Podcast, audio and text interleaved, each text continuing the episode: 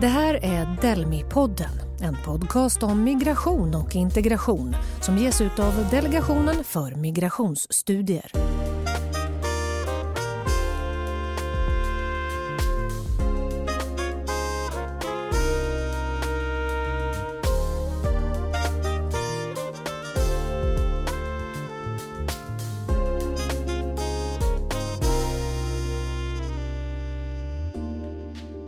Här är ett nytt avsnitt av Delmi-podden. Idag kommer vi att prata om återvändande och återintegration av asylsökande till Afghanistan och Irak. Hur går det egentligen till när en person återvänder? Och vilka är återvändarnas erfarenheter? Och hur blir den bemött som kommer tillbaka efter att ha misslyckats med att få asyl? Aktuella och ganska känsliga frågor. Vi tar avstamp i projektet Återvändande och återintegration som är finansierat av AMIF, Asyl-, migrations och integrationsfonden. Rapporten och annat material det hittar du som vanligt på Delmis hemsida. Jag heter Ann-Louise Rönstolek. Välkommen! Med mig här i studion har jag projektledaren för återvändandeprojektet och en expert på återvändande. Och ni ska få presentera er själva. Varsågoda. Ja, jag heter Henrik Malm Lindberg, projektledare för återvändande och återintegration. Och det är ett projekt på Delmi som vi har drivit nu i drygt ett och ett halvt år, AMI-finansierat och just färdigställt. Och jag heter eh, Terry Torik och är projektledare i ett eh, projekt som kallas för ERIN, European Return and Integration Network. Ni är välkomna till Delmepodden, båda två. Ja, vi ska alltså prata om återvändande och återintegration med utgångspunkt från det projekt som undersökt hela migrationscykeln och som samtalat med ett hundratal återvändare faktiskt för att få deras perspektiv. Och Henrik, jag tänkte vi börjar hos dig. Vilka är det ni har intervjuat och vad är det framförallt projektet har kommit fram till? Ja, alltså projektet har ju framförallt försökt att täcka en stor kunskapslucka när det gäller återvändarnas egna erfarenheter utav att återvända och återintegreras. Och det är ju då två länder, Irak respektive Afghanistan. Hälften är från Irak och hälften är från Afghanistan. Ungefär hälften har återvänt självmant eller frivilligt och hälften har återvänt ofrivilligt. Då.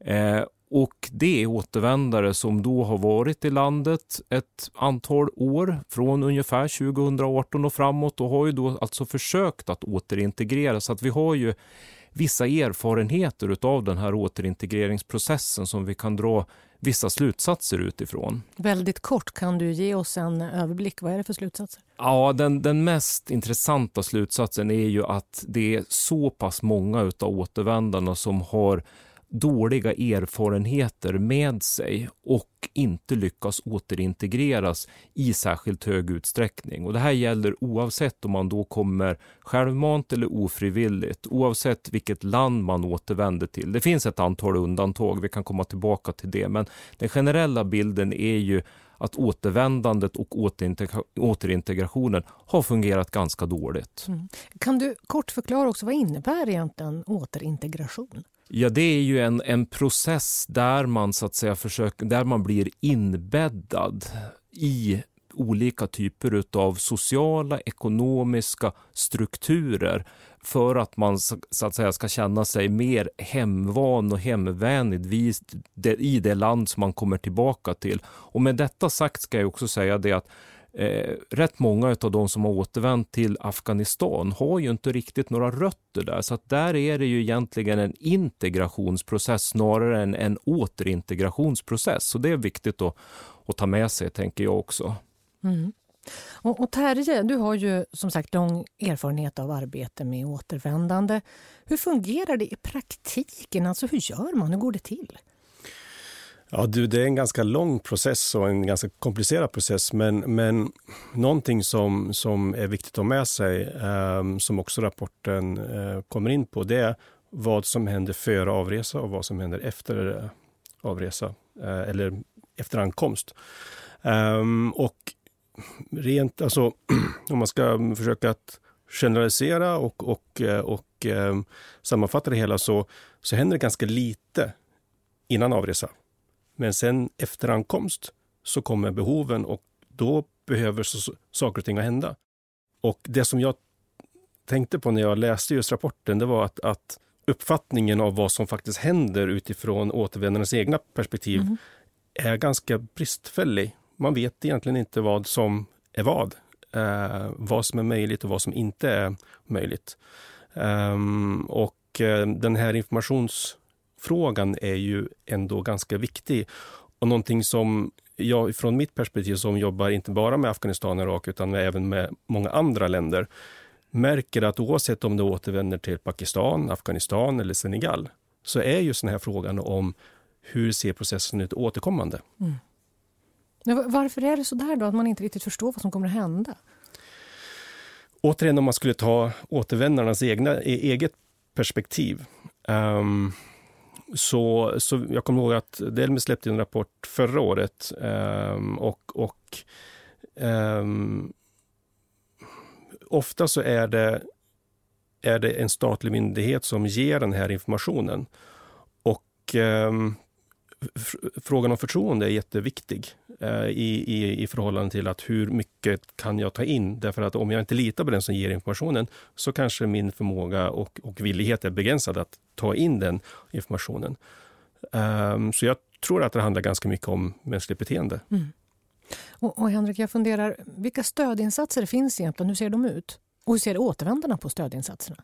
Ja, alltså det, det, finns ju olika typer av stödinsatser. Dels det som, som vad heter det, man försöker att använda sig av innan avresan. Då, alltså när man så att säga ska integreras i det svenska samhället så har vi ett antal insatser. Utbildning, skolgång, arbete och andra typer av insatser. Men mycket av det där är ju fokuserat just på att integreras till Sverige. Att man ska få ett, ett eh, besked om att stanna i Sverige. Och Det innebär ju det att mycket av det som man då, då vad heter de insatser som sätts in det återvändarna själva säger är att det har inte bidragit till att hjälpa mig att återintegreras igen när jag väl har kommit tillbaka till Afghanistan respektive Irak, utan eh, kunskapen och erfarenheterna därifrån är ganska eh, obsoleta på grund av att ja, de, de är kontextberoende helt enkelt. Eh, väl på plats så har man ju tillgång till ett antal stödinsatser. Dels in-kind-stöd alltså Eh, materiellt stöd i olika former. Man får olika typer av checker. Man har också ett, ett återvändande bidrag som man, man ges och ett ankomststöd på flygplatsen.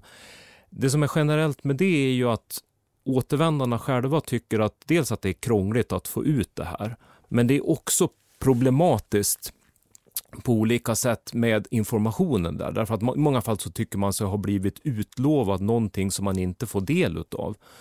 Eh, och den tredje aspekten av det är de kommer tillbaka mitt under en pandemi. Väldigt mycket är nedstängt. Och det är ju en, naturligtvis en tillfällig effekt och det kommer att, att öppnas upp. Men det ser vi också klara effekter av att man helt enkelt har väldigt fysiskt svårt att ta emot det stödet. Mm. Och Terje, hur, hur vanligt är det egentligen med frivilligt återvändande? Det beror på Eh, på tidpunkter, på land och så vidare. Så det finns en, en rad faktorer som på, påverkar detta. Um, um, generellt så, så föredrar ju säga, många den frivilliga eh, delen av eh, återvändande. Men så, så finns också allt det ofrivilliga med i bilden. så att säga. Men, men, men eh, det är klart att det finns faktorer som vilket land vi pratar om, eh, vilka, vilket förhållande som länderna har sinsemellan. Det vill säga att vi har en stat som, som ska då eh, verkställa ett beslut och så har vi en stat som ska ta emot personerna så, så, så, som, som återvänder. Och det är också en faktor som, som spelar in. Eh, inledningsvis här så sa jag just det att eh, det kan vara tufft för den som kommer tillbaka utan att ha lyckats få asyl. Vad är det för slags stigma vi pratar om där? Alltså, det är någonting som är väldigt välkänt ifrån litteraturen och det brukar kallas, precis som du säger, också the stigma of return. Det vill säga att man känner skuldkänslor, skamkänslor inför dem man kommer tillbaka till. Och Det kan ju vara familj, släkt, nätverk, klan. Därför att man har ju misslyckats och då blir man ofta ifrågasatt för vad gjorde du egentligen? Varför fick inte du stanna? Och det är klart att det är ju en ytterligare börda då att, att bära med sig och som ytterligare bidrar till att det är svårt att återintegreras, både socialt men även att skaffa de här kontakterna som krävs för att bli ekonomiskt självförsörjande. Så att det, det hänger liksom ihop det här stigmat och påverkar olika aspekter eller dimensioner utav återintegrationen ska jag säga. Och i det underlag ni har nu så har ni sett en tydlig tendens att många av de här återvändarna vill försöka igen att komma till Sverige eller Europa? Ja, helt klart är det så. Det är en, det är en majoritet utav de en majoritet av de vi har, har tillfrågat vill återvända så att säga till Europa eller kanske även till Sverige. Och Anledningen till att man inte gör det, det är ju att man inte har ekonomiska eller andra möjligheter att kunna göra det. Man kan ha ett återreseförbud så att det finns en legal eh, svårighet. Men framförallt så är det ju det att man, man, en resa tar tid och är lång att förbereda och svår att förbereda. Och dessutom så har du pandemin nu mm. alltså som har grasserat i ett och ett halvt år. Men eh, så är det. Flertalet vill återvända till Sverige och till Europa. Återvändandefrågor är ju definitivt i fokus, inte bara i Sverige utan på EU-nivå också, eller hur Terje? Ja, så, så, så, är det. Det är en fråga som har, som har blivit allt mer eh, viktig för, för, eh, för EU eh, senaste åren. Um, och det märks på, på många olika sätt och inte minst vad gäller då återintegreringsfrågan där det är många europeiska länder som är eh, otroligt aktiva. Eh, men jag måste säga att eh, jag upplever också att det är en förhållandevis ny fråga för många länder där man fortfarande letar efter, efter en, ehm, metoder som, som, som är verkningsfulla. Jag skulle också vilja ta upp det här, så, bara för att ge ett exempel när det gäller just det här stigmat. Migrationsverket gjorde då en, en, ett, ett ganska litet projekt i just Afghanistan eh, kring, kring, kring, kring detta. Och det som jag slogs av eh, efter det här projektet var att, att även om stigma i litteraturen och i teorin är väldigt, ett, ett väldigt bekant begrepp så är det ingenting som har tillämpats i praktiken, det vill säga hur man då försöker att komma till rätta med detta. Så hade de då ett, ett antal informationsmöten där man samlade eh, en rad experter tillsammans med personer som hade återvänt och deras familjer. Och det var en väldigt tydlig bild som, som, som framkom. Och den att familjerna var helt omedvetna om vilka, vad som låg bakom processerna. Det vill säga att det fanns ett system, det finns en process. Och så att man skapade en egen konstruerade en, en, en, en egen, ska man säga, ett, ett, narrativ. Det vill säga att, precis som Henrik säger, att du måste ha gjort någonting fel för annars så skulle inte du ha kommit tillbaka till Afghanistan. Mm. Och just den här i återvändande så tenderar vi ganska ofta att hamna i juridiska frågor. Eh, men vi saknar lite det som den här rapporten ändå lyfter fram, det mänskliga perspektivet. Och, och då är stigma en, ett, ett, ett, ett sånt eh, perspektiv. Målet med det här projektet, Henrik, eh, nu läser jag till här. Genom ökad kunskap eh, få förutsättningar för ett mer rättssäkert, effektivt och humant återvändande, återintegration. Fina mål. Eh, vad konkret behöver göras? Vilka första steg behöver tas för att det ska kunna gå lättare framåt och öka kunskapen i frågorna? Ja, alltså vi, vi hoppas ju då att, att vår kunskap och vår rapport tillsammans med, med mycket annat då ska bidra till att dels sätta de här frågorna eh, på, på dagordningen, alltså högre upp på dagordningen, men också ge praktiknära kunskap om vad det faktiskt är som krävs för att människor ska kunna återvända och återintegreras i bättre, mer hållbara former. Eh, och om, om vi pratar om, om huvudsakliga liksom implikationer av den här studien så skulle väl jag hävda dels att vi behöver utforma effektivare sätt att kommunicera med återvändarna. Alltså kommunikation är oerhört viktigt i det här fallet. Och Det handlar då inte bara om liksom hur vi säger utan också när vi säger det, när vi kommer in i processen, att man kommer in tidigt i processen, att man upprepar budskapet, att budskapet så att säga kommer både muntligt och skriftligt. Och där tror jag att det, det finns mycket att lära för, för svenska aktörerna exempelvis i hur man, och det där, det där avspeglas i att återvändarna utifrån våra data som vi har kunnat, kunnat se eh, i många fall tycker sig vara felinformerade. Och det är det som Kjell Terje också har varit inne på, att det finns konkurrerande narrativ eller konkurrerande berättelser om det svenska återvändande systemet och det svenska asylsystemet som är då svåra att, så att säga, bryta Eh, därför att man litar inte alltid på myndigheterna. Mm. Och finns det då liksom information som finns i sociala medier eller som sprids utav, utav exempelvis eh, diasporagrupper exempelvis, ja då kanske det är det man, man lyssnar på. Man är den, den vad heter det, fasen. Mm. Så bättre information på flera olika nivåer.